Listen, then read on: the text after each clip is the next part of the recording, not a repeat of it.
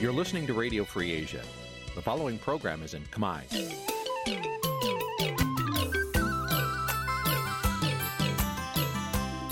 Nǐ chi càm bi tiệp xáy vệt chiu a zì sê ray នេះជាកម្មវិធីផ្សាយរបស់ Vithu Azisari ជាភាសាខ្មែរ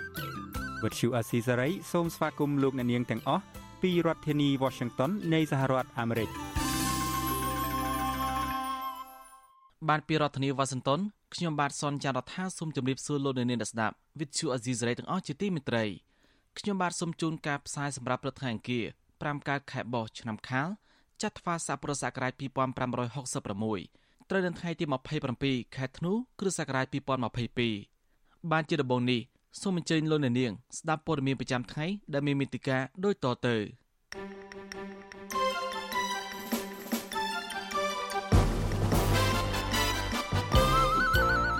មន្ត្រីគណៈបកភ្លើងទៀនថៃមេឃុំគណៈបកកណ្ដាលអំណាចនៅតែបំពេញទុននីតិហើយរើសអើងសមាជិករបស់ខ្លួនអង្គការសង្គមស៊ីវិលបន្តធ្វើយុទ្ធនាការបង្ហោះសារអំពាវនាវឲ្យតុលាការដោះលែងកញ្ញាឈឹមស៊ីធ សត្វផ្សោតទន្លេមេគង្គជាង10ក្បាលទៀតបានងាប់ក្នុងឆ្នាំ2022នៅវិភាននយោបាយថាការបោះឆ្នោតឆ្នាំ2023មានពលនយោបាយសំខាន់តែពីរប៉ុណ្ណោះរួមនឹងព័ត៌មានសំខាន់សំខាន់មួយចំនួនទៀត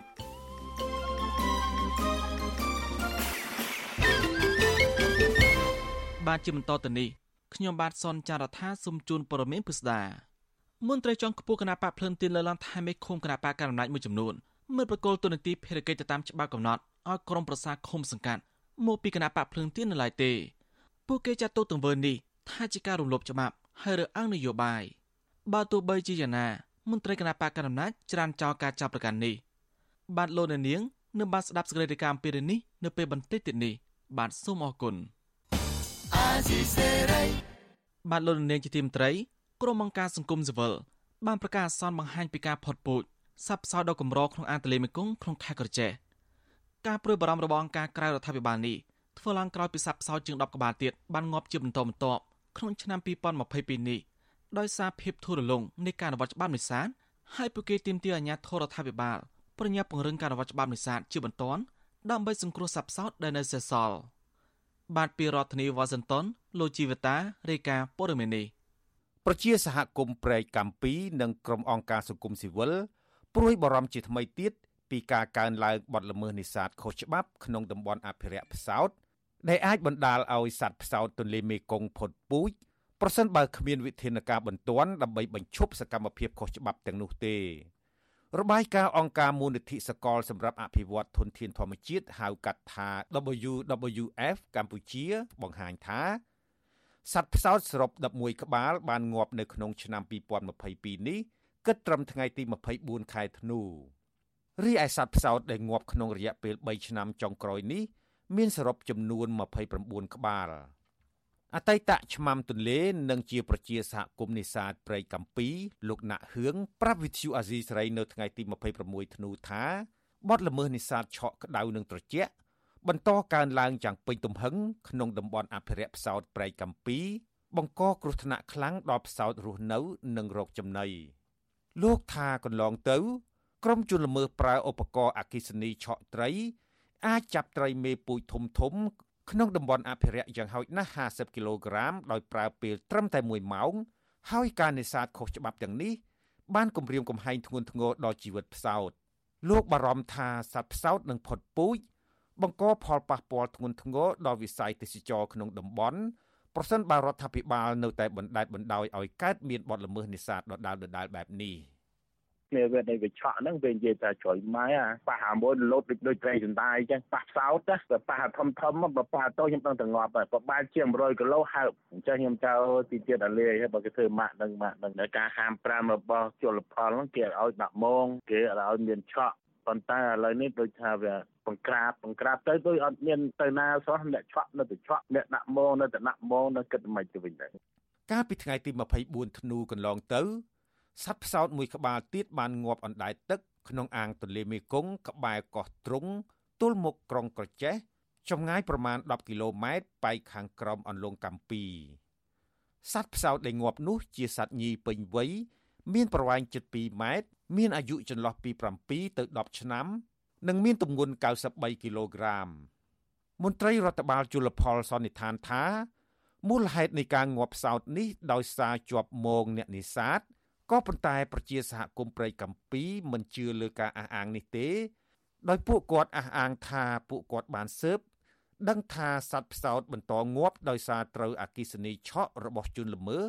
បណ្ដាលឲ្យរបួសអណ្ដែតមកប៉ះមងអ្នកនេសាទតាមបណ្ដោយទឹកទន្លេមេគង្គហូរចុះក្រោម វិទ្យុអាស៊ីសេរីមិនអាចតាក់ទងសុំការបំភ្លឺរឿងនេះពីប្រធានឆ្មាំទន្លេ និងជាអនុប្រធានរដ្ឋបាលជលផលខេត្តក្រចេះលោកមុកពុនលោកបានទេនៅថ្ងៃទី26ធ្នូដោយសារទូរស័ព្ទចូលជាច្រើនដង តែគ្មានអ្នកលើកចំណែកអភិបាលខេត្តក្រចេះលោកវ៉ាថនក៏វិទ្យុអាស៊ីសេរីមិនទាន់អាចតាក់ទងបានដែរប៉ុន្តែជំទប់ទី1លោកឃុំសម្បុកលោកទុយសវណ្ណាទទួលស្គាល់ថា សត្វផ្សោតងាប់ជាបន្តបន្ទាប់គឺជាប់ពាក់ព័ន្ធបទល្មើសនេសាទឆក់ក្តៅនិងត្រជាក់នៅទីតាំងសំខាន់សំខាន់ដែលសត្វផ្សោតរស់នៅនិងឆ្លងកាត់លោកថាកន្លងទៅ លោកកាន់តួនាទីជាមេឃុំបានបង្កើតប្រជាការពីភូមិជាង10នាក់ដាក់វេនគ្នាចុះល្បាតជាប្រចាំដោយខាត់ចាប់ជនសង្ស័យនិងរឹបអូសឧបករណ៍នេសាទខុសច្បាប់ជាច្រើនករណីក៏ប៉ុន្តែក្រោយពីលោកបានផ្លាស់ប្តូរតំណែងវិធានការនេះក៏ត្រូវបានរំសាយ ធ្វើឲ្យបទល្មើសនេសាទកើនឡើងច្រើន លោកបារម្ភថាកន្លងទៅអញ្ញាធរឃុំបានបញ្ជូនឈ្មោះជនសង្ស័យ20នាក់ទៅតុលាការពាក់ព័ន្ធនឹងករណីឆក់ត្រីខុសច្បាប់ តែពេលនេះជនសង្ស័យទាំងនោះអាចនឹងវិលមកប្រកបមុខរបរខុសច្បាប់ដដែលដដែលបង្កគ្រោះថ្នាក់ខ្លាំងដល់សត្វផ្សោត ការពិតឥឡូវបាត់មេនេសាទច្រើនឥឡូវហ្នឹងបាត់នេសាទច្រើនតាមរបាយការណ៍តាមគេជាបរិការខ្ញុំខ្ញុំអត់ដឹងចឹងហើយអ្នកដាក់មងលួចដាក់មងទៅចប់ផ្សោតខ្ញុំស្ដាយខ្ញុំស្ដាយគាត់ខ្ញុំនិយាយនិយាយអត់ចេញអង្គការ WWF កម្ពុជាអំពាវនាវដល់អាជ្ញាធរពាក់ព័ន្ធសារជាថ្មីទៀតឲ្យត្រូវពង្រឹងអនុវត្តច្បាប់ជាបន្ទាន់ក្នុងការបង្កើនការល្បាតទាំងពេលយប់និងពេលថ្ងៃដើម្បីការពារសត្វផ្សោតដែលនៅសេសសល់ ហើយត្រូវធានាថាសត្វកម្រទាំងនោះនឹងជៀសផុតពីការស្លាប់នាយកអង្គការ WWF កម្ពុជាលោកសេងទៀកបានថ្លែងក្នុងសេចក្តីថ្លែងការណ៍កាលពីថ្ងៃទី25ធ្នូថាប្រសិនបើវិបត្តិនេះបន្តកើតឡើងទៀតចំនួនសត្វផ្សោតអាចប្រឈមការបាត់បង់ទាំងស្រុងនាពេលអនាគតខាងមុខដ៏ខ្លីលោកបញ្ជាក់ថាពុំមានជំរើសផ្សេងទេ ក្រៅពីការអនុវត្តច្បាប់ដ៏តឹងរឹងជាបន្ទាន់ ដើម្បីបញ្ឈប់ទាំងស្រុងនៅសកម្មភាពខុសច្បាប់គ្រប់ទម្រង់ក្នុងតំបន់ដែលសត្វផ្សោតរស់នៅលោកស្នើឲ្យមន្ត្រីឆ្មាំទន្លេនិងមន្ត្រីអនុវត្តច្បាប់ត្រូវមានវត្តមានរយៈពេល24ម៉ោងក្នុងមួយថ្ងៃឲ្យទៀងទាត់ដោយចុះល្បាតទាំងថ្ងៃទាំងយប់រីឯក្រុមជនល្មើសអញ្ញាធរត្រូវដាក់ពិន័យឲ្យធ្ងន់ធ្ងរដើម្បីព្រមានដល់អ្នកនេសាទផ្សេងទៀតអង្គការ WWF កម្ពុជាបន្ថែមថា រដូវប្រាំងគិតចាប់តាំងពីខែធ្នូដល់ខែឧសភា ជារយៈពេលមួយដ៏ចាំបាច់ផ្ដោតការយកចិត្តទុកដាក់ការពារសត្វផ្សោតហើយនៅគ្រាទឹកស្រកសត្វផ្សោតនិងត្រីមកប្រមូលផ្ដុំគ្នាស្វែងរកចំណីក្នុងតំបន់អន្លង់ទឹកជ្រៅនៃដែនអភិរក្សសត្វផ្សោតក្នុងបរិយាកាសបែបនោះ វាបង្កលក្ខណៈងាយស្រួលដល់ក្រុមជនល្មើសលបឆក់ត្រីប៉ះពាល់ដល់ការរស់នៅរបស់សត្វផ្សោតជុំវិញរឿងនេះ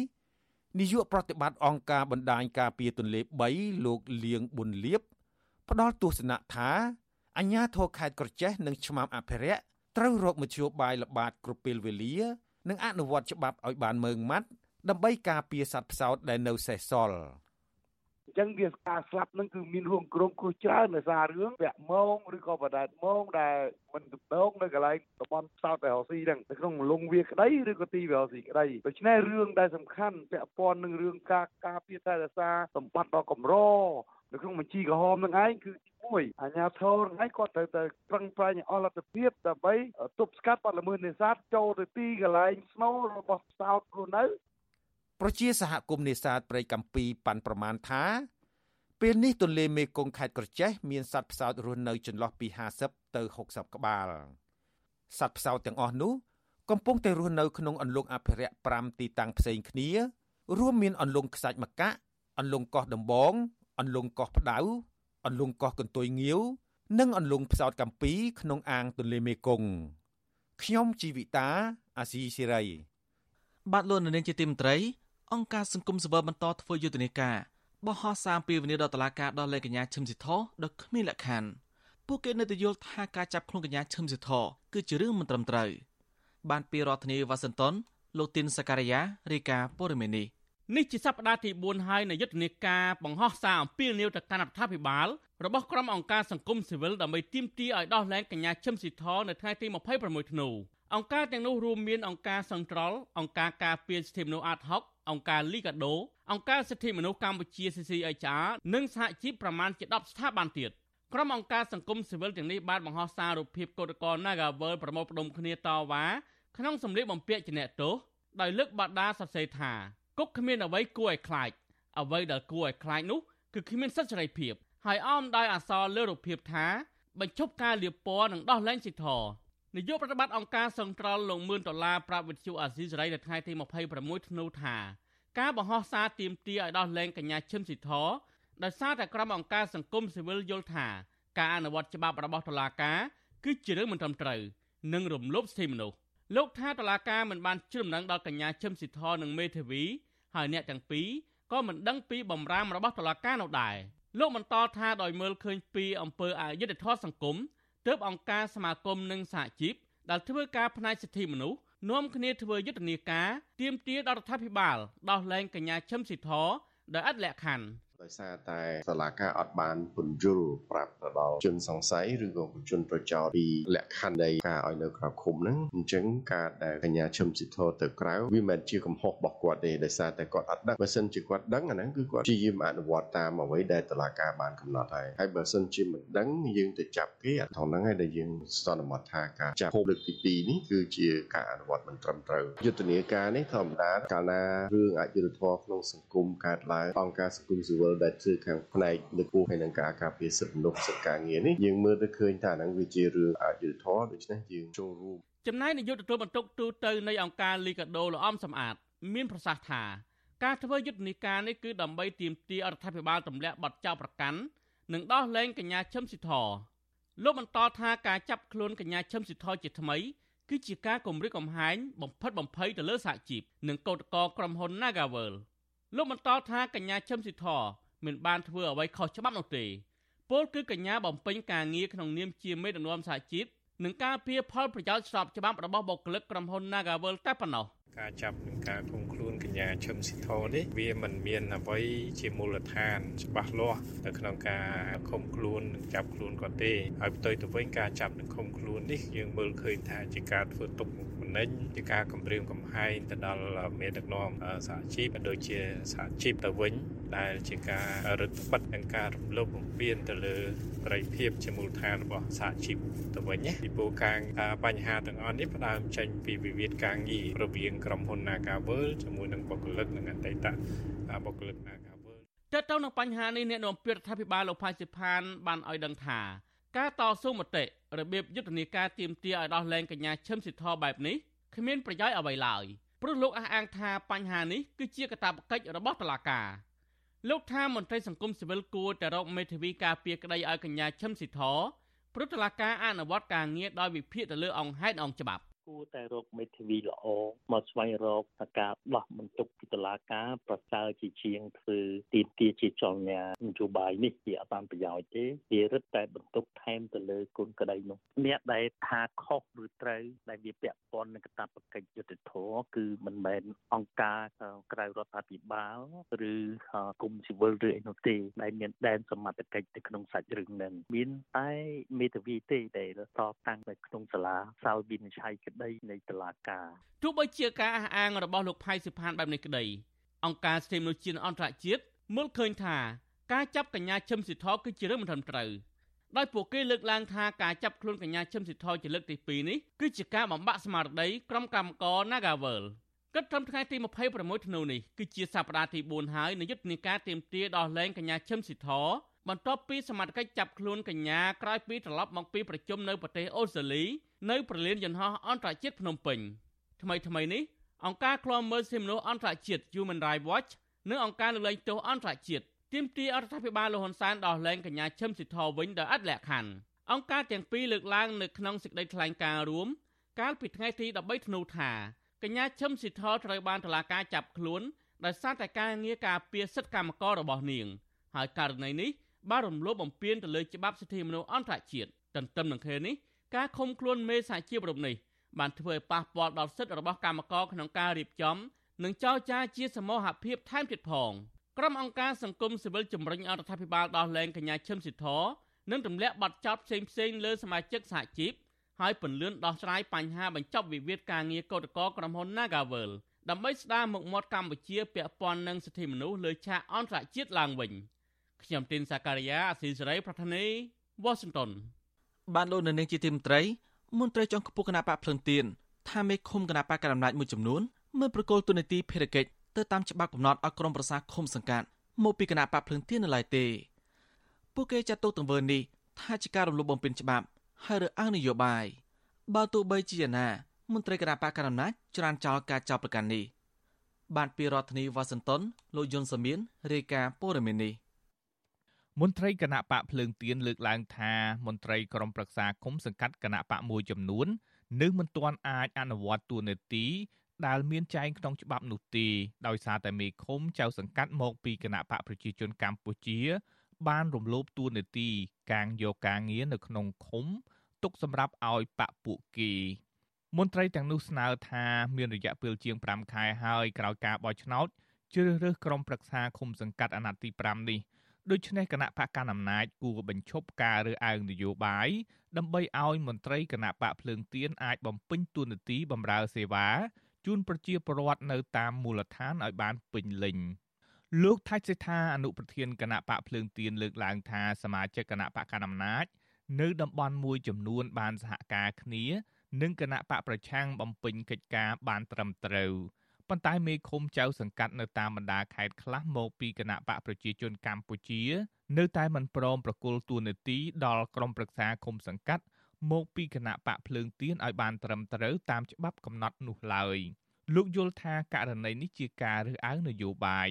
ឃុំសង្កាត់មួយចំនួនហ្នឹងគឺมันបានបែងចែកការងារឲ្យទទួលខុសត្រូវទៅតាមមុខទូនីតិដែលមានចែងនៅក្នុងច្បាប់ទេខ្ញុំសនំពោឲ្យក្រសួងហាផ្ទៃដែលមានសមត្ថកិច្ចក្នុងការគ្រប់គ្រងឃុំសង្កាត់ហ្នឹងសូមឲ្យបែងចែកទូនីតិរបស់ក្រមរក្សាទូទៅហ្នឹងឲ្យស្របទៅតាមច្បាប់ដែលមានចែងច្បាប់ការគ្រប់គ្រងឃុំសង្កាត់ដែលមានចែងនៅជាធរមាននេះបាទ លោកប្រមានថាប្រសិនបើអាជ្ញាធរមិនចាត់វិធានការដោះស្រាយឲ្យបានឆាប់នោះទេ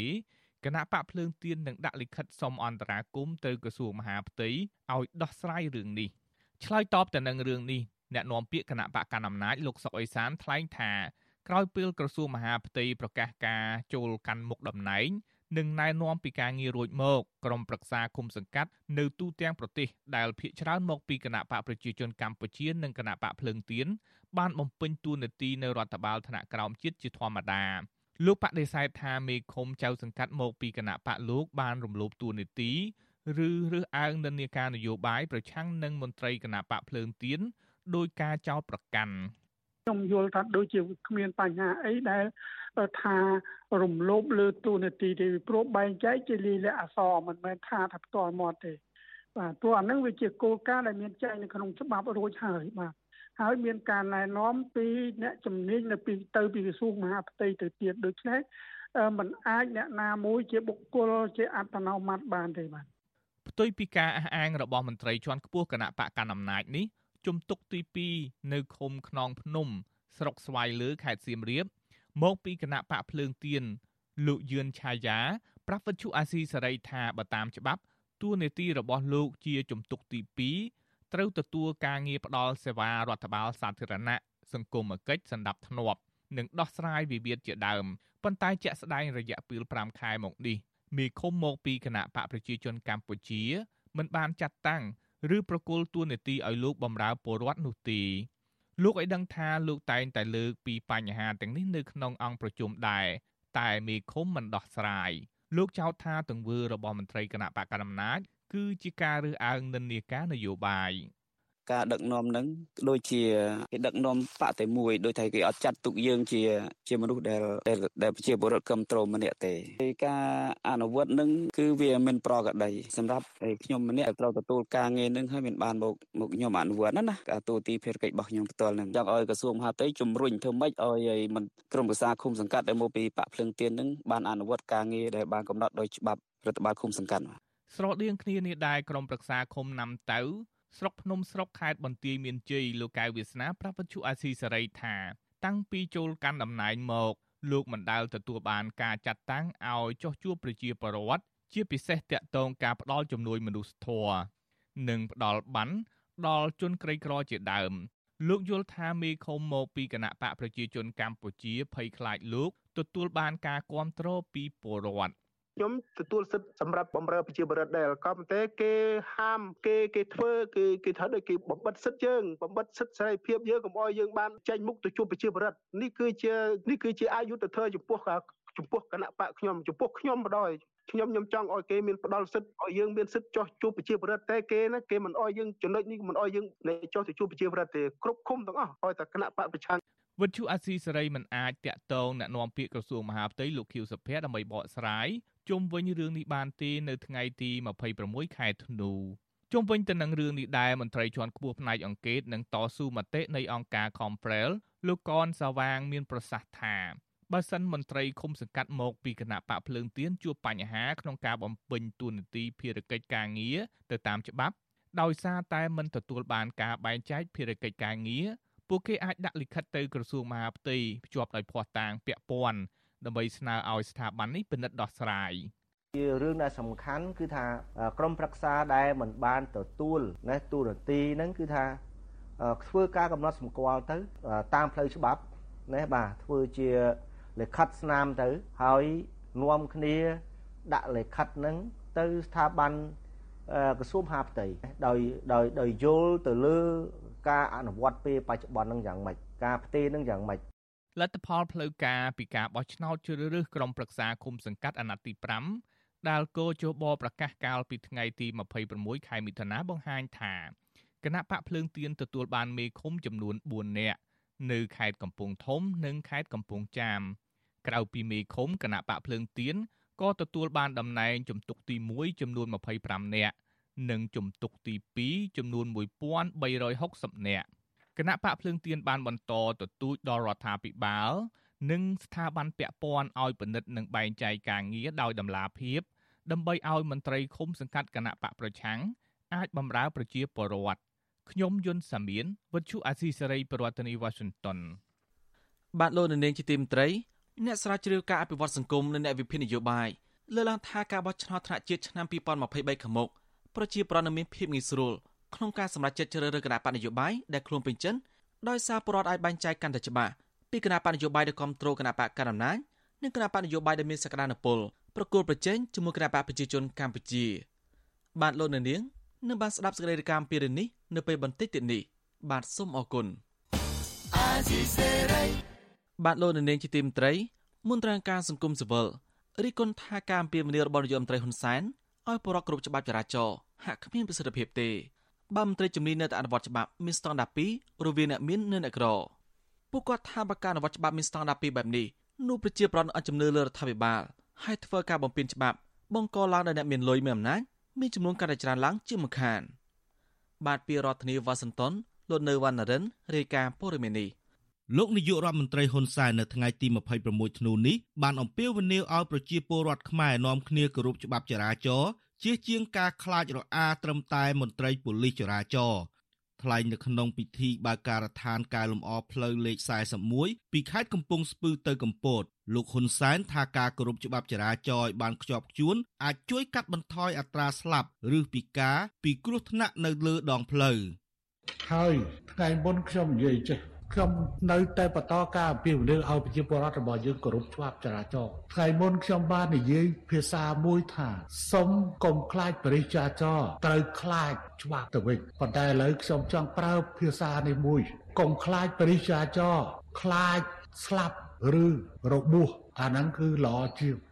ការលើកឡើងរបស់លោកហ៊ុនសែននេះត្រូវបានមន្ត្រីអង្គការសង្គមស៊ីវិលរិះគន់ថាគ្រោះថ្នាក់ចរាចរណ៍មួយចំនួន បង្កឡើងដោយការផឹកគ្រឿងស្រវឹងហើយរដ្ឋាភិបាលលោកហ៊ុនសែនមិនបានរឹតបន្តឹងចរាចរណ៍គ្រឿងស្រវឹងនោះឡើយផ្ទុយទៅវិញ មន្ត្រីរបស់លោករួមទាំងលោកផ្ទាល់ក៏បានយកគ្រឿងស្រវឹងនេះជាអំណោយដ៏ពេញនិយមទៅវិញ។ ប្រធានសមាគមនិស្សិតបញ្ញវន្តខ្មែរលោកកើតសរាយបានប្រាប់វិទ្យុអាស៊ីសេរីថាត្បិតច្បាប់ចរាចរណ៍នៅកម្ពុជា បានចងក្រងឡើងក៏ពិតមែនតែការអនុវត្តនៅតែមានភាពធូររលុងជាពិសេសនៅពេលដែលមានបញ្ហាគ្រោះថ្នាក់ចរាចរណ៍កើតឡើង។ លោកសង្កេតឃើញថាការបណ្ដោយឲ្យជនបង្កគ្រោះថ្នាក់ចរាចរណ៍កិច្ចវេះមិនទទួលខុសត្រូវនិងគ្រាន់តែផ្ដោតសំណងដើម្បីបញ្ចប់រឿងជាវប្បធម៌មិនល្អធ្វើឲ្យអ្នកទាំងនោះមិនងាយរៀងចាលនិងនៅតែបន្តធ្វេសប្រហែសនៅក្នុងការបើកបរ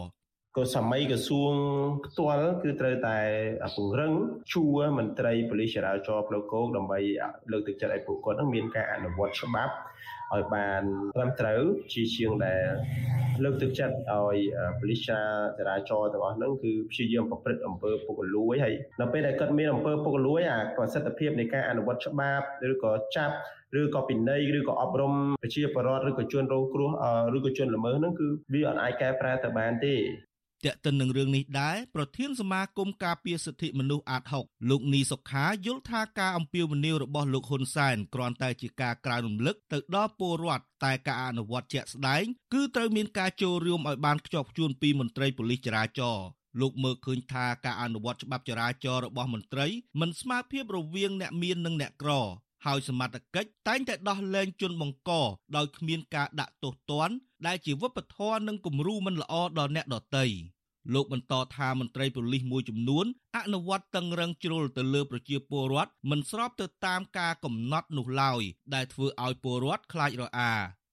ចឹងខ្ញុំគិតថាទី1គឺពង្រឹងពង្រឹងការអនុវត្តច្បាប់របស់សមត្ថកិច្ចនឹងឲ្យមានការទទួលខុសត្រូវឲ្យបានត្រឹមត្រូវទី2គឺអប់រំអ្នកដែលបានប្រព្រឹត្តល្មើសប្រព្រឹត្តអីទាំងអស់ហ្នឹងត្រូវតែមានការចាប់ធ្វើការអប់រំផាកពិន័យឲ្យបានម៉ឺងម៉ាត់ទៅតាមគោលការណ៍ច្បាប់កុំឲ្យមានការលើកលែងពិសេសគឺយកច្បាប់មកអនុវត្តឲ្យបានតឹងរឹងហើយនឹងមានការអប់រំឲ្យបានច្បាស់លាស់ហើយនឹងក៏ពង្រឹងទៅលើគុណភាពសាលារៀនបើកបរអីផ្សេងផ្សេងហ្នឹងកុំឲ្យចេះតែឲ្យចាក់មីឲ្យអីត្រូវមើលផងមើលអំពីគុណភាពអ្នកបើកបរហ្នឹងផង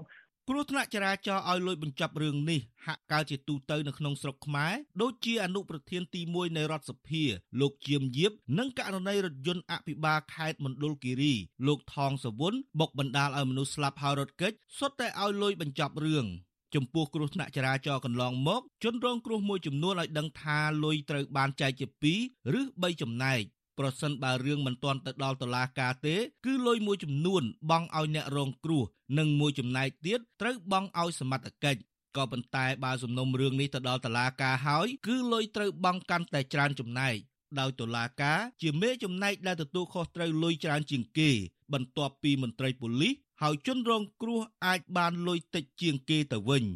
បបធរនៃការបង់ប្រាក់សំណងកិច្ចវេះមិនទទួលខុសត្រូវចំពោះមុខច្បាប់បានធ្វើឲ្យជនបង្កគ្មានភាពខ្លាចរអានិងនៅតែបន្តសកម្មភាពបំពានច្បាប់ដដែលរូបភាពនៃការអនុវត្តប្រកបដោយភាពមិនស្មើគ្នាបែបនេះមន្ត្រីសង្គមស៊ីវិលមើលឃើញថាមន្ត្រីដែលជាអ្នកអនុវត្តច្បាប់អនុវត្តដោយមានស្តង់ដារពីររវាងអ្នកមាន និងអ្នកក្រ តាមរបាយការណ៍របស់នាយកដ្ឋាននគរបាលនិងសម្ដាប់ធ្នាប់សាធារណៈនៃស្នងការដ្ឋាននគរបាលជាតិបង្ហាញថារយៈពេល6ខែឆ្នាំ2022នេះគ្រោះថ្នាក់ចរាចរណ៍បានកើតឡើងសរុបចំនួន1609លើកដោយភាគច្រើនកើតឡើងនៅពេលយប់57%និងបានឆក់យកជីវិតមនុស្សចំនួនជិត1000នាក់និងរងរបួសជាង2000នាក់ ហើយមូលហេតុនៃការបង្កគ្រោះថ្នាក់ចរាចរណ៍ភាគច្រើនគឺបណ្ដាលមកពីការបើកបរល្មើសល្បឿន38%បើកបរមិនគោរពសិទ្ធិ24%មិនប្រកាន់ស្ដាំ11%និងវ៉ាជែង11%ជាដើមខ្ញុំបាទនៅវណ្ណរិន With Chu Azisari ពីរដ្ឋធានី Washington បាទលោកនាងជាទីមត្រីប្រជាប្រដ្ឋក្មេងចាស់ប្រុសស្រីនៅតាមភូមិមួយចំនួននៅក្នុងខេត្តកែបតែនាំគ្នាធ្វើពិធីបុណ្យពូនភ្នំស្រូវ ក្រោយពីបរិបបានប្រមូលផលស្រូវនាពេលចដាច់ឆ្នាំធ្វើទៅបីពិធីបុណ្យពូនភ្នំស្រូវធ្វើឡើងមានលក្ខណៈទុយតាចណាក្តីគណៈភូមិចាស់ប្រតិចាក្នុងភូមិមិនដាក់អាខាមដល់ណាទេដោយសារពួកគាត់ចង់ឲ្យក្មេងៗចម្លងក្រោយ បន្តអភិរក្សទំនៀមទម្លាប់ហើយស្វែងយល់ពីគុណតម្លៃរបស់ស្រូវបាទពីរដ្ឋធានីវ៉ាស៊ីនតោនលោកសេមរិតរាយការណ៍ព័ត៌មាននេះពិធីបុណ្យពូនភ្នំស្រូវឬអ្នកស្រុកខ្លះហៅថាបុណ្យសាមគ្គី ប្រជាពលរដ្ឋតែងតែប្រារព្ធធ្វើឡើងជារៀងរាល់ឆ្នាំនៅអំឡុងចុងខែវិច្ឆិកា និងខែធ្នូពោលគឺក្រោយពេលពលរដ្ឋបានច្រូតកាត់និងប្រមូលផលស្រូវពេញមួយរដូវចាស់ព្រឹទ្ធាចារ្យប្រចាំវត្តកែវក្រសាំងក្នុងឃុំកែបខេត្តកែបលោកអឿនសុខុមប្រាប់ពទ្យុអស៊ីសេរីនៅថ្ងៃទី26ខែធ្នូថា ការប្រារព្ធពិធីបុណ្យពូនភ្នំស្រូវប្រជាពលរដ្ឋខ្មែរមានជំនឿ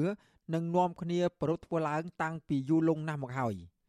លោកបន្តថាពលរដ្ឋមានជំនឿប្រារព្ធពិធីនេះឡើង គឺក្នុងបំណងរំលឹកគុណសាច់ញាតិដែលបានចែកឋានទៅ និងរំលឹកគុណដល់ស្ដេចក្រុងពលីព្រមទាំងអ្នកតាម្ចាស់ទឹកម្ចាស់ដី ដែលបានបន្សល់ទុកដីស្រែចម្ការសម្រាប់អ្នកភូមិក្នុងការប្រកបរបរកសិកម្មចិញ្ចឹមជីវិតអញ្ចឹងហើយសម្រាប់យុវជនក៏ដូចជាប្រជាពលរដ្ឋនៅចំនួនក្រោយទៀតគួរតែបន្តធ្វើការប្រារព្ធពិធីនេះឲ្យបានជារៀងរាល់ឆ្នាំបន្ទាប់ពីការច្រូតកាត់រួចនៅរដូវហើយដើម្បីបង្ហាញនិងរក្សានៅវប្បធម៌ប្រពៃណីខ្លួនក៏ដូចជានៅក្នុងមូលដ្ឋានរបស់ខ្លួនឲ្យបន្តទៅទៀតព្រោះអីកម្មវិធីនេះមួយវាបង្ហាញពីលក្ខណៈនៃការសាមគ្គីភាពក្នុងមូលដ្ឋានបានបានស៊ីជម្រៅណាស់សម្រាប់ប្រជាពលរដ្ឋក្រៅពីនេះលោកអឿនសខុមឲ្យដឹងទៀតថា ពិធីពូនភ្នំស្រូវធ្វើឡើងក្នុងគោលបំណងផ្គត់ផ្គង់ស្រូវប្រគៀនព្រះសង្ឃពីពេលមុននឹងរដូវវស្សាមកដល់ដែលព្រះសង្ឃមិនអាចចេញបិណ្ឌបាតបានលើសពីនេះទៀតលោកថាពិធីនេះក៏ជាការរួបរวมស្មារតីសាមគ្គីគ្នាមួយសម្រាប់អ្នកភូមិជួបជុំគ្នាធ្វើបុណ្យទានក្រោយពេលដែលសម្រាប់ពីការច្រូតកាត់និងប្រមូលផលស្រូវរួច ការប្រារព្ធពិធីបុណ្យពូនភ្នំស្រូវគឺมันមានលក្ខណៈស្មុគស្មាញនោះទេមុនពេលប្រារព្ធពិធីនេះឡើង លោកតាអាចារ្យប្រចាំវត្តនៅក្នុងភូមិតែងតែទំនាក់ទំនងប្រជាពលរដ្ឋនៅតាមមូលដ្ឋាន ដើម្បីប្រកាសឲ្យពួកគាត់បានដឹងដំបូងឡើយពិធីបុណ្យពូនភ្នំស្រូវធ្វើឡើងតែក្នុងវត្តអារាមតែប៉ុណ្ណោះប៉ុន្តែក្រោយៗមកទៀតអ្នកភូមិរស់នៅខេត្តកែបមួយចំនួន បានបែងចែកគ្នាជាក្រុមនិងប្រារព្ធឡើងនៅផ្ទះអ្នកភូមិ ឬតំបន់ណា ដែលមានពលរដ្ឋរស់នៅក្បែរក្បែរគ្នាច្រើននាពេលក្បាលប្រលប់អ្នកភូមិតែងតែនាំគ្នាទូលស្រូវតាមសទ្ធារៀងរៀងខ្លួន ដើម្បីយកមកចាក់ពូននៅកន្លែងប្រារព្ធពិធី និងអុជធូបបន់ស្រន់សុំសេចក្តីសុខរហូតដល់ព្រឹកឡើងក៏មានពិធីបាំងស្កូលហើយពលរដ្ឋតែងតែរៃអង្គាសបច្ច័យនិងរៀបចំចង្ហាន់ប្រគេនព្រះសង្ឃពិធីបន់ពូនភ្នំស្រូវបានបែងចែកជាក្រុមក្នុងភូមិកែវក្រសាំងនេះដោយមួយក្រុមមួយក្រុម មានពលរដ្ឋចូលរួមប្រមាណ10នាក់ប្រជាពលរដ្ឋម្នាក់ដែលបានចូលរួមពិធីនេះគឺលោកស្រីអានផល្លាថ្លែងថាមូលហេតុពលរដ្ឋប្រារព្ធពិធីនេះជាក្រុមបែបនេះដោយសារតែក្នុងភូមិកែវក្រសាំងមានផ្ទៃដីធំ និងមានចំនួនពលរដ្ឋច្រើនគ្រួសារលោកស្រីបានយកស្រូវចំនួន10កញ្ជើនិងចង្ហាន់មួយស្រាក់ប្រគេនព្រះសង្ឃក្នុងឱកាសបុណ្យពូនភ្នំស្រូវឆ្នាំនេះ ច្រើនជូនដល់មេដាបេដាយើងអញ្ចឹងណាឲ្យគាត់មកទទួលផលឡើងធ្វើតាំងពីដើមពីដែកមកឲ្យតែខែជ្រូតហើយធ្វើហើយណាមួយឆ្នាំម្ដងអញ្ចឹងណាគេត្រូវធ្វើហ្មងខានបាននេះធ្វើប្រគេនលោកធ្វើត្រូវគេនលោកអញ្ចឹងណាក៏មិនធ្វើតែមួយកន្លែងទេនៅវត្តណាឡំដល់មិនគេឲ្យធ្វើមួយក្រុមមួយក្រុមអញ្ចឹងទៅក៏មិនគេធ្វើនៅវត្តតែមួយកន្លែងទេណាក្រុមបានលុយ20ម៉ឺន30ម៉ឺនហ្នឹងដែរណាចាយឲ្យថ្លៃមេគ្រូអាចារ្យអីអញ្ចឹងគ្រប់មុខតកតោនឹងរឿងនេះដែរ មន្ត្រីឃ្លាំមើលការរំលោភសិទ្ធិមនុស្សនៃអង្គការលីកាដូប្រចាំខេត្តកែបលោកប៉ែនពុធាថ្លែងថា ការបន្តប្រារព្ធពិធីបុណ្យពូនភ្នំសូវនេះគឺជាការឆ្លុះបញ្ចាំងអត្តសញ្ញាណកសិករខ្មែរពីសាមគ្គីភាពរបស់ប្រជាពលរដ្ឋនៅតាមមូលដ្ឋាន និងការអភិរក្សប្រពៃណីខ្មែរសម្រាប់ឲ្យក្មេងចំនួនក្រោយបានស្គាល់។ អញ្ចឹងហើយសម្រាប់យុវជនក៏ដូចជាប្រជាពលរដ្ឋនៅចំនួនក្រោយទៀតគួរតែបន្តធ្វើការប្រារព្ធពិធីនេះឲ្យបានជារៀងរាល់ឆ្នាំបន្ទាប់ពីការច្រូតកាត់រួចនៅរដូវហើយដើម្បីបង្ហាញនិងរក្សានៅវប្បធម៌ប្រពៃណីខ្លួនក៏ដូចជានៅក្នុងមូលដ្ឋានរបស់ខ្លួនឲ្យបន្តទៅទៀតព្រោះអីកម្មវិធីនេះមួយវាបង្ហាញពីលក្ខណៈនៃការសាមគ្គីភាពក្នុងមូលដ្ឋានបានបានស៊ីជម្រៅណាស់សម្រាប់ប្រជាពលរដ្ឋ ពលរដ្ឋនិងមន្ត្រីសង្គមស៊ីវិលលើកឡើងស្របគ្នាថាប្រជាពលរដ្ឋជាពិសេសក្មេងៗតាមស្រុកស្រែជនបទអាចស្គាល់ពិធីបុណ្យពូនភ្នំស្រូវច្រើនប៉ុន្តែសម្រាប់កូនខ្មែររស់នៅតាមទីប្រជុំជនមួយចំនួនពួកគេពុំអាចស្គាល់ពិធីបុណ្យពូនភ្នំស្រូវនេះឡើយពួកគាត់អំពាវនាវដល់កូនខ្មែរចំនួនក្រោយគ្រប់មជ្ឈដ្ឋានថាគួរតែស្វែងយល់អំពីប្រពៃណីទំនៀមទម្លាប់នៃការប្រារព្ធពិធីពូនភ្នំស្រូវនេះ និងបន្តអភិរក្សកុំឲ្យបាត់បង់នៅអត្តសញ្ញាណវប្បធម៌ខ្មែរបច្ចុប្បន្ននៅតាមបណ្ដាស្រុកភូមិនៃខេត្តមួយចំនួន ដូចជាខេត្តកែប កំពតតាកែវកំពង់ឆ្នាំងនិងបាត់ដំបងជាដើមប្រជាពលរដ្ឋនៅតែប្រារព្ធពិធីបុណ្យនេះជារៀងរាល់ឆ្នាំក្រោយពេលដែលប្រមូលផលស្រូវរួចហើយពួកគាត់ហៅពិធីបុណ្យនេះខុសៗគ្នាទៅតាមតំបន់ដោយពលរដ្ឋតាមខេត្តខ្លះហៅពិធីប្រារព្ធពិធីបុណ្យពូនភ្នំសូវនេះថាជាបុណ្យដាលៀន និងបុណ្យសាមគ្គីជាដើមខ្ញុំបាទសេកបណ្ឌិតវុទ្ធុអាស៊ីសេរីពីរដ្ឋធានីវ៉ាស៊ីនតោន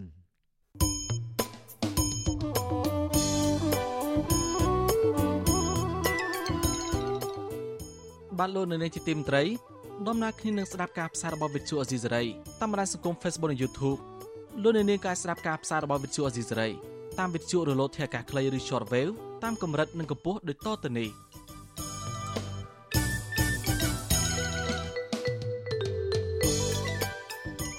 ពេលព្រឹកចាប់ពីម៉ោង5កន្លះដល់ម៉ោង6កន្លះតាមរយៈរលកធាតុអាកាសខ្លី9.39 MHz ឬស្មើនឹងកម្ពស់ 32m នៅ11.85 MHz ឬស្មើនឹងកម្ពស់ 25m ពេលយប់ចាប់ពីម៉ោង7កន្លះដល់ម៉ោង8កន្លះតាមរយៈរលកធាតុអាកាសខ្លី9.39 MHz ឬស្មើនឹងកម្ពស់ 32m ឬ15.15 MHz ស្មើនឹងកម្ពស់ 20m នៅ11.88 MHz ស្មើនឹងកម្ពស់ 20m បាទសូមអរគុណ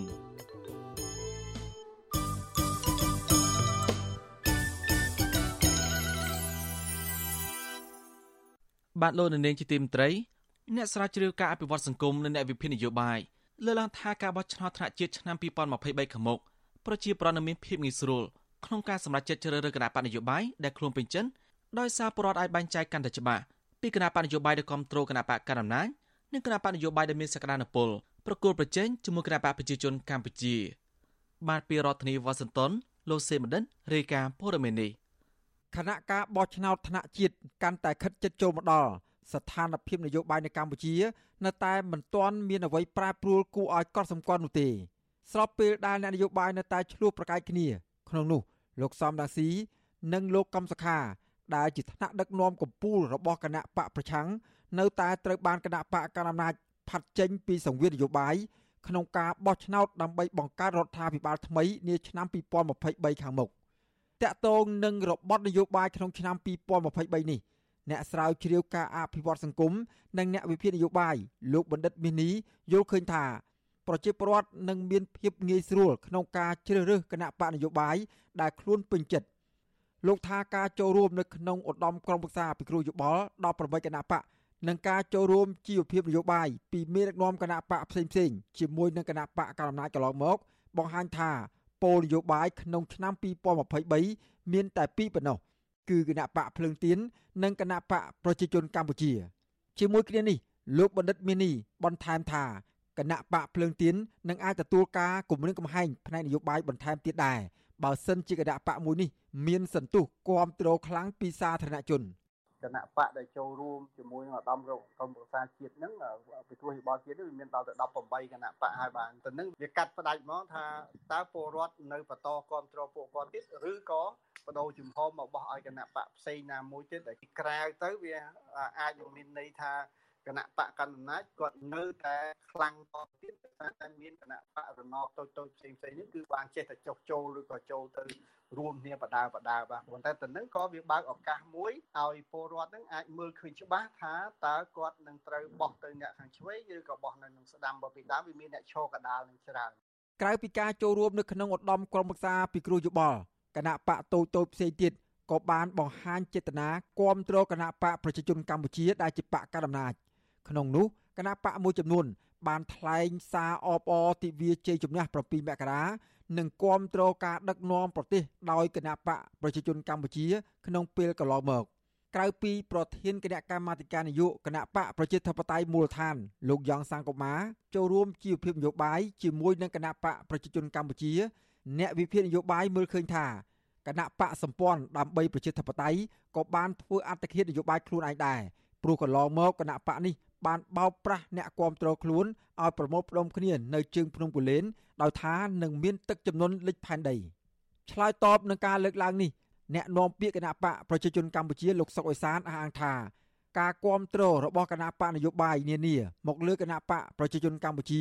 មិនមែនបានន័យថាគណៈបកទាំងនោះគឺជាសម្ព័ន្ធមិត្តរបស់គណៈបកប្រជាជនកម្ពុជាឡើយ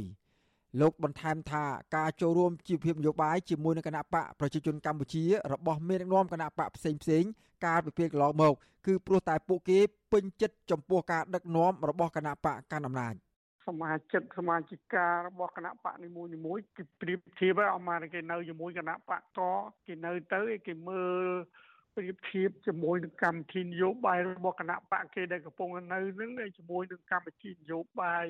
របស់គណៈបកប្រជាជនទៅណាណាវាត្រឹមត្រូវវាល្អជាងហើយវាជាក់ស្ដែងជាងវាមានផលប្រយោជន៍ច្រើនជាង ដល់ជាតិនិងប្រជាជនអានឹងគេ មានសិទ្ធិដើម្បីនឹងផ្ដាច់ខ្លួនចេញពីគណៈបកចាស់ហើយគេមករួបរวมជាមួយនឹងគណៈបកប្រជាជនកម្ពុជាផ្ទុយពីការលើកឡើងនេះអនុប្រធានគណៈបកភ្លើងទៀនលោកថៃសេដ្ឋាគាំទ្រចំពោះការលើកឡើងដែលថាការប្រគល់ប្រជែងនយោបាយនៅក្នុងឆ្នាំ2023ខាងមុខ គឺមានតែពីរពោលទេ គឺគណៈបកភ្លើងទៀននិងគណៈបកប្រជាជនកម្ពុជាលោកបន្ថែមថាគណៈបកភ្លើងទៀនបានត្រៀមខ្លួនរួចរាល់ហើយដើម្បីចូលរួមការបោះឆ្នោតថ្នាក់ជាតិហើយលោកក៏សង្ឃឹមថានឹងទទួលបានជ័យជំនះក្នុងការបោះឆ្នោតនាពេលខាងមុខលោកថៃសិដ្ឋាបន្ថែមថាមូលហេតុដែលមហាជនគាំទ្រគណៈបកភ្លើងទៀន គឺព្រោះតែមន្ត្រីគណៈបកភ្លើងទៀនភ ieck ច្រើន ជាអតីតមន្ត្រីរបស់គណៈបកសង្គ្រោះជាតិដែលមានភាពជាអ្នកដឹកនាំល្អនិងប្រកបដោយគុណធម៌ក្នុងការបម្រើរាជកន្លងមក តើគណៈបកដែលធ្វើសកម្មភាពដោយគណៈបកប្រឆាំងនិយាយមកដូចភ្លើងទីនេះជាគណៈបកប្រឆាំងហ្នឹងវាឃើញថាប្រឆាំងពិតប្រាកដមែនឬក៏ប្រឆាំងលេងលេងហើយគណៈបកផ្សេងផ្សេងក៏ដូចគ្នាអញ្ចឹងដែរតើការបង្កើតមកហ្នឹងដើម្បីធ្វើនយោបាយដើម្បីប្រទេសជាតិឬមួយក៏បង្កើតមកដើម្បីតែស្វែងរកលៀបសការៈអែបអបនៅនេះនៅនោះចូលទៅបង្ក្រប់កិច្ចឲ្យគេហែហមឲ្យគេអីអាហ្នឹងក៏ពិតជារឿងមួយដែលប្រជាប្រដ្ឋលោកមើលឃើញដែរ លទ្ធផលនៃការបោះឆ្នោតថ្នាក់ជាតិឆ្នាំ2013បង្ហាញថាពលរដ្ឋមិនគ្រប់គ្រងគណៈបកនយោបាយដែលហាហោមគណៈបកកណ្ដាលអំណាចឡើយព្រោះគណៈបកទាំងនោះមិនបានទទួលអាសនៈនៅក្នុងរដ្ឋសភានោះទេជំហររបស់ប្រជាពលរដ្ឋបែបនេះបានបង្ហាញកាន់តែច្បាស់តាមរយៈលទ្ធផលបោះឆ្នោតថ្នាក់ជាតិឆ្នាំ2018កាលនោះដោយសារតែគ្មានវត្តមានគណៈបកសង្គ្រោះជាតិប្រជាពលរដ្ឋជាច្រើនមិនទៅបោះឆ្នោតនោះឡើយ ហើយបើទោះបីជាពួកគេត្រូវបង្ខំចិត្តទៅបោះឆ្នោតដោយការបង្ខិតបង្ខំក្តីក៏ពួកគេគូសឲ្យខូចសិលឹកឆ្នោតនោះដែរនិន្នាការនយោបាយបែបនេះគេអាចមើលឃើញថាប្រជាពលរដ្ឋខ្មែរនៅក្នុងពេលបច្ចុប្បន្នមានការគិតពិចារណាបានកាន់តែស៊ីជម្រៅអំពីបញ្ហានយោបាយនិងមិនងាយចាញ់បោកការឃោសនារបស់គណៈបកនយោបាយដែលចែកអំណោយឬទៅចុះជួបប្រជាពលរដ្ឋនៅតាមផ្ទះតែនៅក្នុងរដូវកាលបោះឆ្នោតនោះឡើយ។ ក្រៅពីប្រាយុទ្ធសាស្ត្របំបែកគណៈបកដៃគូប្រកបប្រជែងនិងដាក់សមាជិកគណៈបករបស់ខ្លួនទៅក្នុងសមាជិកគណៈកម្មាធិការជ្រៀបចំការបោះឆ្នោតគណៈបកប្រជាជនកម្ពុជាក៏នឹងបន្តប្រើប្រាស់ប្រព័ន្ធតុលាការដើម្បីគម្រាមកំហែងដល់អ្នកនយោបាយដែលមាននិន្នាការប្រឆាំងនឹងរដ្ឋាភិបាលក្នុងការប្រគល់ប្រជែងនយោបាយក្នុងឆ្នាំ2023ខាងមុខនេះដែរអ្នកវិភាគនយោបាយមួយចំនួនលើកឡើងថាលោកហ៊ុនសែនគ្រាន់តែជាអ្នកនយោបាយកំសាកមួយរូបតែប៉ុណ្ណោះ ដែលលោកបានប្រើប្រាស់ប្រព័ន្ធតុលាការដើម្បីកម្ចាត់ដៃគូប្រកួតប្រជែងនយោបាយចេញពីសង្វៀននយោបាយពួកគេលើកឡើងទៀតថាលោកហ៊ុនសែនធ្វើយ៉ាងដូចនេះគឺព្រោះតែហេតុផលពីរយ៉ាង ទី1គឺព្រោះតែលោកដឹងថាលោកកំសខា និងលោកសំរាស៊ីមានប្រជាប្រិយភាពខ្លាំងជាងលោកហ៊ុនសែននិងកូនប្រុសរបស់លោក និងទី2គឺលោកដឹងថាប្រជាពលរដ្ឋមិនពេញចិត្តចំពោះការដឹកនាំបែបបកពួកនិយម និងមានអំពើពុករលួយ នៅក្នុងការដឹកនាំបែបផ្ដាច់ការរបស់លោកនោះឡើយជុំវិញរឿងនេះប្រធានស្ដីទីគណៈបកសង្គ្រោះជាតិលោកសំរងស៊ីថ្លែងនៅក្នុងកម្មវិធីផ្សាយរបស់វិទ្យុអស៊ីសេរីកាលពីថ្ងៃទី21ខែធ្នូថាលោកហ៊ុនសែនមិនហ៊ានឲ្យលោកកំសខាឬខ្លួនលោកផ្ទាល់ចូលប្រគល់ប្រជែងនយោបាយដោយយុទ្ធធននោះទេព្រោះលោកហ៊ុនសែនកំពុងតែត្រៀមផ្លាស់ប្ដូរជនបន្តវេនដោយចង់លើកបន្ទប់កូនប្រុសរបស់លោកគឺលោកហ៊ុនម៉ាណែត ឲ្យធ្វើជានាយករដ្ឋមន្ត្រីបន្តពីលោកខ្ញុំជឿថាលោកហ៊ុនសែនគាត់អត់ហ៊ានទេគាត់ខ្លាចទាំងលោកកឹមសុខាខ្លាចទាំងសំរងស៊ីខ្លាចកឹមសុខាសំរងស៊ីចាប់ដៃគ្នាខ្លាចគណៈបកសង្គ្រោះជាតិខ្ញុំជឿថាគេអត់លើកលែងទោសទេគេអត់ទម្លាក់ចោលការចោទប្រកាន់ទេអញ្ចឹងលោកកឹមសុខានៅតែរងការចោទប្រកាន់នៅតែអត់មានសិទ្ធិធ្វើនយោបាយដដែល បើទោះបីជាប្រជាពលរដ្ឋមើលឃើញច្បាស់ថាគោលនយោបាយមានតែពីរសំខាន់ក្តីប៉ុន្តែការបោះឆ្នោតនាពេលខាងមុខក៏អាចនឹងប្រព្រឹត្តទៅដោយសេរី ត្រឹមត្រូវនិងយុត្តិធម៌នោះទេ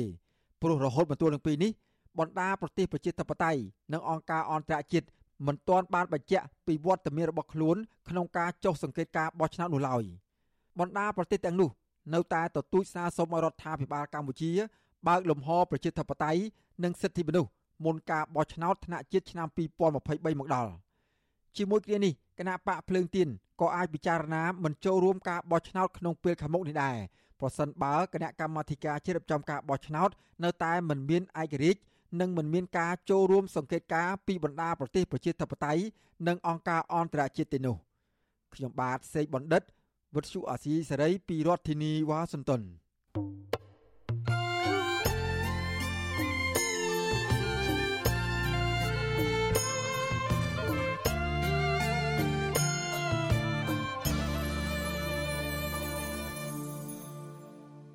បាទលោកនាងជាទីមត្រីមន្ត្រីជំនាញអង្គការសហប្រជាជាតិបារម្ភពីរបាយការណ៍ដែលរដ្ឋាភិបាលវៀតណាមបានរំលោភសិទ្ធិមនុស្សនិងសិទ្ធិជាមូលដ្ឋានផ្សេងទៀតរបស់ជនជាតិដើមខ្មែរកម្ពុជាក្រោមពួកគេសនំពោឲ្យវៀតណាមគ្រប់កាតព្វកិច្ចរបស់ខ្លួនដែលជាសមាជិកនៃក្រុមប្រឹក្សាសិទ្ធិមនុស្សរបស់អង្គការសហប្រជាជាតិបានពីរដ្ឋធានីវ៉ាស៊ីនតោនលោកយុនសាមៀនរាយការណ៍ព័ត៌មាននេះអ្នករាយការណ៍ពិសេសរបស់អង្គការសហប្រជាជាតិស្ដីពីសិទ្ធិជនជាតិដើមវប្បធម៌អប់រំនិងសេរីភាពសាសនា ក្រុមការងារប្រឆាំងនឹងការឃុំខ្លួនតាមទំនើងចិត្តបានស្នើឲ្យរដ្ឋាភិបាលកុម្មុយនីសវៀតណាមបកស្រាយចំពោះការចោទប្រកាន់ពីការរំលោភសិទ្ធិមនុស្សពលរដ្ឋខ្មែរក្រោមដែលជាជនជាតិដើមលិខិតរួមរបស់អ្នកជំនាញអង្គការសហប្រជាជាតិចុះកាលពីដើមខែតុលាដែលវិទ្យុអាស៊ីសេរីទើបទទួលបានផ្ញើទៅរដ្ឋាភិបាលវៀតណាមថា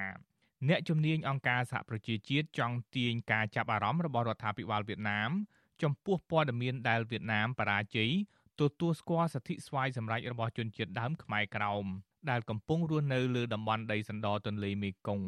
អ្នកជំនាញបន្តថាពួកគេក៏ទទួលបានសេចក្តីរាយការណ៍ពីការរំលោភបំពានសិទ្ធិសេរីភាពផ្នែកបញ្ចេញមតិការចូលរួមប្រជុំសុខភាពម្ហូបអាហារផ្ទះសម្បែងបរិស្ថាន ការរំលោភបំពានសេរីភាពសាសនា ភាសានិងវប្បធម៌ លិខិតរួមរបស់អ្នកជំនាញអង្គការសហប្រជាជាតិសរសេរថាខ្មែរក្រោមបានទៅរស់នៅលើទឹកដីកំណើតដីសណ្ដទន្លេមេគង្គរាប់ពាន់ឆ្នាំមកហើយខ្មែរក្រោមបានប្រើប្រាស់ភាសាខ្មែរនិងជាជនជាតិដើម ដែលមានចំនួនច្រើនជាងគេនៅវៀតណាមចាប់តាំងពីឆ្នាំ1975មកវៀតណាមបានចាប់ផ្ដើមរឹបអូសដីកសិកម្មខ្មែរក្រោមឲ្យជនជាតិវៀតណាមដែលមកតាំងទីលំនៅលើដែនដីកម្ពុជាក្រោមយ៉ាងគំហុក អ្នកជំនាញអង្គការសហប្រជាជាតិក៏សម្គាល់ថាទោះបីវៀតណាមបោះឆ្នោតគាំទ្រសេចក្តីប្រកាសសកលស្តីពីសិទ្ធិជនជាតិដើមកាលពីឆ្នាំ2007ក្តីវៀតណាមមិនបានធ្វើច្បាប់ជាក់លាក់ណាមួយស្តីពីជនជាតិដើម ហើយវៀតណាមក៏មិនបានប្រើពាក្យជនជាតិដើម ដើម្បីសម្គាល់លើជនជាតិដើមចំនួន54រួមទាំងខ្មែរកម្ពុជាក្រោមផងដែរ វៀតណាមបន្តប្រើប្រាស់ច្បាប់សន្តិសុខអ៊ីនធឺណិតដើម្បីធ្វើទុកបុកម្នេញសេរីភាពបញ្ចេញមតិតាមបណ្ដាញអ៊ីនធឺណិតរបស់ពលរដ្ឋវៀតណាម និងខ្មែរក្រោមមានយុវជនខ្មែរក្រោមជាច្រើនត្រូវបានអាជ្ញាធរវៀតណាមចាប់ខ្លួនតាមទំនើងចិត្តសួរចម្លើយឃុំខ្លួននិងកាត់ទោសដោយសារតែការប្រើប្រាស់សិទ្ធិសម្ដែងមតិអ្នកជំនាញអង្គការសហប្រជាជាតិសម្ដែងក្តីបារម្ភជាពិសេសលើករណីវៀតណាមឃាត់ខ្លួនយុវជនខ្មែរក្រោមលោកដួងខាយនិងលោកថៃកើង ដែលសកម្មធ្វើការងារផ្នែកសិទ្ធិមនុស្សនិងជនជាតិដើមពួកគេត្រូវបានវៀតណាមឃុំខ្លួនសួរចម្លើយអស់ជាច្រើនម៉ោង និងបង្ខំឲ្យសារភាពទោសដែលពួកគេមិនបានប្រព្រឹត្តករណីមួយទៀតគឺករណីលោកថាច់រិនដែលត្រូវវៀតណាមចាប់ដាក់ពន្ធនាគាររយៈពេល6ខែពីបទធ្វើឲ្យប៉ះពាល់កិត្តិយសអតីតមេដឹកនាំវៀតណាម លោកហូជីមិញនិងរឿងផ្សព្វផ្សាយប្រវត្តិសាស្ត្រខ្មែរកម្ពុជាក្រោមនិងចែកចាយរំលែកចំណេះដឹង សិទ្ធិជនជាតិដើមសិទ្ធិមនុស្សនិងគោលដៅអភិវឌ្ឍប្រកបដោយចីរភាពរបស់អង្គការសហប្រជាជាតិអ្នកជំនាញអង្គការសហប្រជាជាតិថាវៀតណាមមិនបានផ្ដល់ការកាត់ទោសដោយយុត្តិធម៌ដល់លោកថាច់រិននិងមិនអនុញ្ញាតឲ្យលោកជួបក្រុមគ្រួសារនិងមេធាវីអ្នកជំនាញអង្គការសហប្រជាជាតិបានទុករយៈពេល60ថ្ងៃឲ្យវៀតណាមឆ្លើយសំណួរមួយចំនួនដែលវៀតណាមត្រូវបានគេចោទប្រកាន់ពីការរំលោភសិទ្ធិមនុស្សជនជាតិដើមខ្មែរក្រោម ពួកគេក៏ចង់ឲ្យវៀតណាមបង្ហាញភ័ស្តុតាងទាំងឡាយដែលបញ្ជាក់ថាជនជាតិខ្មែរក្រោមយល់ព្រមនឹងរដ្ឋាភិបាលវៀតណាមមុននឹងរដ្ឋាភិបាលកាត់ដីខ្មែរក្រោមឲ្យធ្វើជាដីសម្បត្តិសេដ្ឋកិច្ចបង្ហាញពីវិធានការដែលវៀតណាមបានធ្វើដើម្បីការពារកុំឲ្យអាញាធរវៀតណាមចាប់ឃុំខ្មែរក្រោមតាមទំនឹងចិត្តវិធានការអនុញ្ញាតឲ្យខ្មែរក្រោមអាចបង្ហាញពីអត្តសញ្ញាណជាជនជាតិដើម ចូលរួមសកម្មភាពវប្បធម៌ប្រើប្រាស់ភាសាដើម ទទួលបានការអប់រំនិងប្រតិបត្តិសាសនាដោយគ្មានការភ័យខ្លាចអ្នកជំនាញអង្គការសហប្រជាជាតិថាក្នុងពេលរងចាំចម្លើយរបស់វៀតណាមនេះរដ្ឋាភិបាលវៀតណាមត្រូវតែចាត់វិធានការចាំបាច់ដើម្បីបញ្ឈប់ការរំលោភបំពានហើយប្រសិនបើការរំលោភបំពាននោះនៅតែបន្តមានរដ្ឋាភិបាលត្រូវចាត់វិធានការប្រឆាំងជនល្មើសទាំងនោះ ទោះបីជាយ៉ាងណាសហព័ន្ធខ្មែរកម្ពុជាក្រោមបានដឹងថាវៀតណាមមិនបានចាត់វិធានការទប់ស្កាត់ការកោះហៅខ្មែរក្រោមទៅសម្លុតបំភ័យរឿងប្រើប្រាស់សិទ្ធិសេរីភាពបញ្ចេញមតិឡើយកាលពីសប្តាហ៍មុនវៀតណាមបានកោះហៅពលរដ្ឋខ្មែរក្រោមម្នាក់ដែលឲ្យផ្ទះលោកសម្រាប់ពលរដ្ឋខ្មែរក្រោមប្រមូលផ្ដុំធ្វើទិវាសិទ្ធិមនុស្សអន្តរជាតិ10ធ្នូពាក់ព័ន្ធទៅនឹងលិខិតរបស់អ្នកជំនាញអង្គការសហប្រជាជាតិនេះ ប្រធាននាយកដ្ឋានព័ត៌មានសហព័ន្ធខ្មែរកម្ពុជាក្រោមព្រះវិខុសើងយើងរតនាមានថរណីកាថាលិខិតស្នើសុំវៀតណាមឲ្យពន្យល់ពីការរំលោភសិទ្ធិមនុស្សនិងអាចដាស់តឿនវៀតណាមកុំឲ្យបន្តរំលោភសិទ្ធិមនុស្សបន្ថែមទៀតក៏អាត្មាយល់ឃើញថាសំណើរបស់អង្គការសហប្រជាជាតិដែលបានផ្ញើទៅរដ្ឋាភិបាលវៀតណាមដើម្បីបកស្រាយបំភ្លឺនៃការរំលោភសិទ្ធិចំពោះបរតខ្មែរក្រមនៅលើដែនដីកម្ពុជាក្រមនេះគឺ ជាការល្អណាស់បើប្រថាអង្គការសហប្រជាជាតិមានសក្ខីកម្មបើច្បាស់លាស់ណាស់ទើបបានផ្ញើទៅរដ្ឋាភិបាលវៀតណាមដើម្បីនឹងបកស្រាយនឹងបើដូច្នេះគឺមានផលប្រយោជន៍យ៉ាងធំធេងសម្រាប់បរតខ្មែរក្រមនៅលើដែនដីកម្ពុជាក្រមបើរដ្ឋាភិបាលវៀតណាមមកទល់នឹងថ្ងៃទី25ធ្នូមិនទាន់ឆ្លើយតបនឹងលិខិតរបស់អ្នកជំនាញអង្គការសហប្រជាជាតិនៅឡើយទេសមាជិកអង្គការសហប្រជាជាតិបានបោះឆ្នោតឲ្យវៀតណាម ធ្វើជាសមាជិកក្រុមប្រឹក្សាសិទ្ធិមនុស្សរបស់អង្គការសហប្រជាជាតិសម្រាប់អាណត្តិ3ឆ្នាំពីឆ្នាំ2023ដល់ឆ្នាំ2025វៀតណាមបានសន្យានឹងសហគមន៍អន្តរជាតិថានឹងគោរពសិទ្ធិមនុស្សមុនសុំធ្វើជាសមាជិកក្រុមប្រឹក្សាសិទ្ធិមនុស្សកាលពីពេលថ្មីៗនេះក្រសួងការបរទេសវៀតណាមបានបដិសេធរបាយការណ៍របស់ក្រសួងការបរទេសអាមេរិកដែលដាក់វៀតណាមក្នុងបញ្ជីនៃប្រទេសឃ្លាំមើលនៃការរំលោភសិទ្ធិសាសនាធ្ងន់ធ្ងរ វៀតណាមថារបាយការណ៍នេះគ្មានការពិតនិងលំអៀងទោះបីជាយ៉ាងណារបាយការណ៍សិទ្ធិមនុស្សឆ្នាំ2021របស់ក្រសួងការបរទេសអាមេរិកផ្សាយកាលពីខែមេសាកន្លងទៅរកឃើញថាកាលពីឆ្នាំ2021មានការរំលោភសិទ្ធិមនុស្សធ្ងន់ធ្ងរកើតឡើងនៅវៀតណាមដូចជាការសម្លាប់មនុស្សការធ្វើទណ្ឌនកម្មនិងអំពើឃោរឃៅខុសច្បាប់បង្កឡើងដោយរដ្ឋាភិបាលវៀតណាម និងភ្នាក់ងាររដ្ឋាភិបាល ការឃុំខ្លួននិងចាប់ខ្លួនតាមអំពើចិត្ត ប្រឆាំងនឹងអ្នកនយោបាយការរឹតបន្តឹងការសម្ដែងមតិនិងសារព័ត៌មាននិងការប្រើប្រាស់ពលកម្មកុមារជាដើមខ្ញុំយុនសាមៀនវិទ្យុអាស៊ីសេរីប្រធានាធិបតី Washington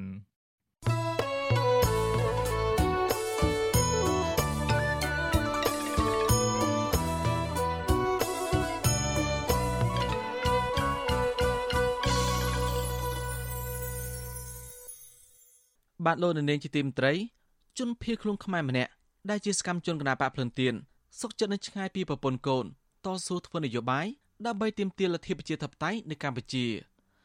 មន្ត្រីរដ្ឋាភិបាលថាជនភៀសខ្លួននៅសារនយោបាយហើយរត់ទៅក្រៅប្រទេសដោយសារពួកគេប្រព្រឹត្តខុសច្បាប់មន្ត្រីសង្គមស៊ីវិលថារដ្ឋាភិបាលគួរជួយសម្រួលឲ្យមានភាពធូរស្រាលនយោបាយដើម្បីសេចក្តីសុខរបស់ប្រជាពលរដ្ឋបានពីរដ្ឋធានីវ៉ាស៊ីនតោនលោកនៅវណ្ណរិនរាយការណ៍ព័ត៌មាននេះ ដោយសារតែឃើញភាពអយុត្តិធម៌នៅក្នុងសង្គមកាន់តែច្រើន សកម្មជនគណៈបកសង្គ្រោះជាតិម្នាក់ដែលកំពុងភៀសខ្លួននៅក្នុងប្រទេសថៃសម្រាប់បដូរផ្ដាច់ធ្វើនយោបាយជាមួយគណៈបកភ្លើងទៀនដើម្បីឲ្យមានការផ្លាស់ប្ដូរប្រកបដោយតម្លាភាពនៅកម្ពុជា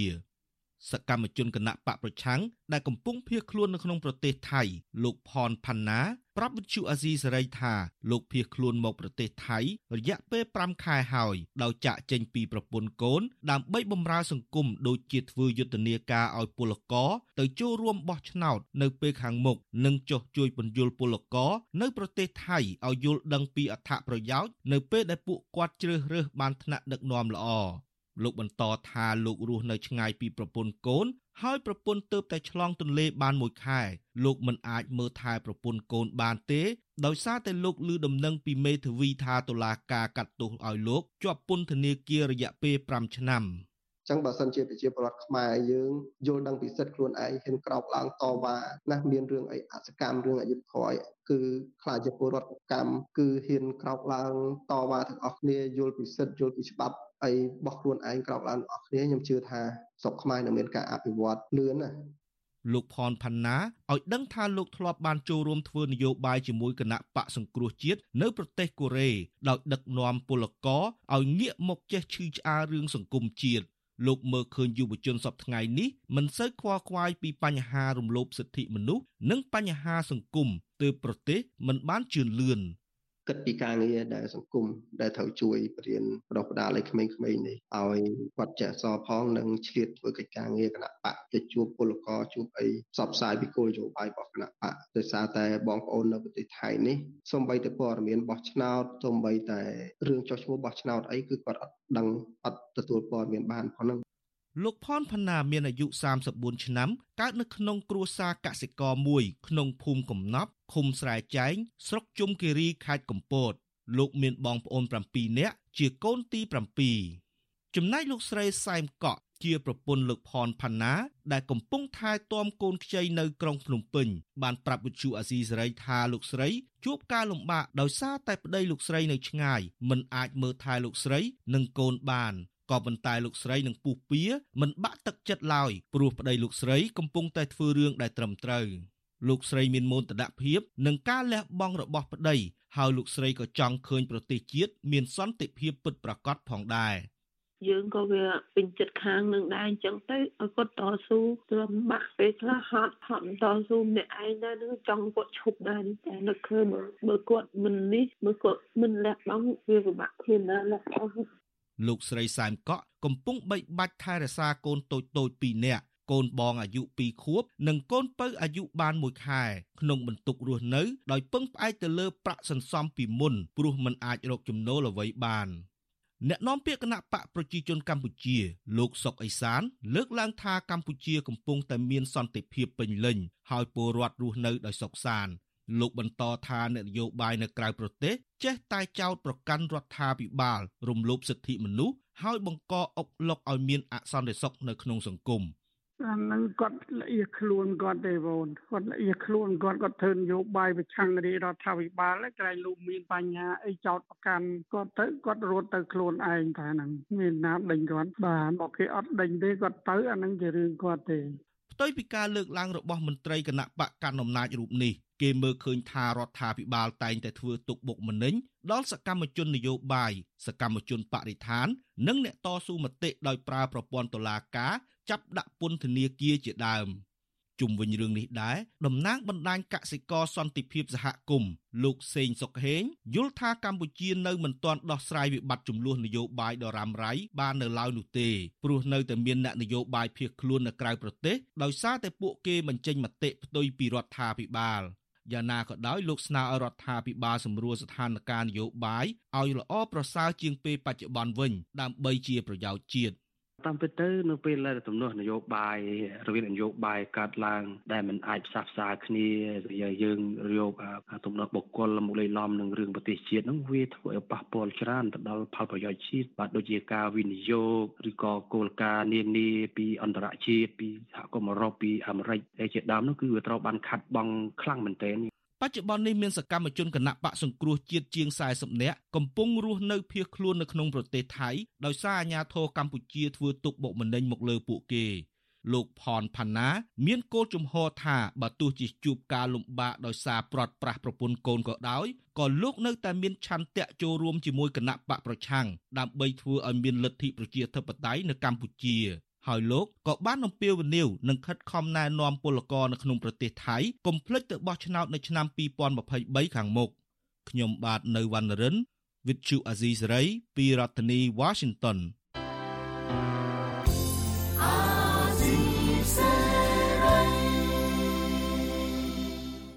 បានលោកនាងកញ្ញាអ្នកស្ដាប់វិទ្យុអេស៊ីសរ៉ៃជាទីមេត្រី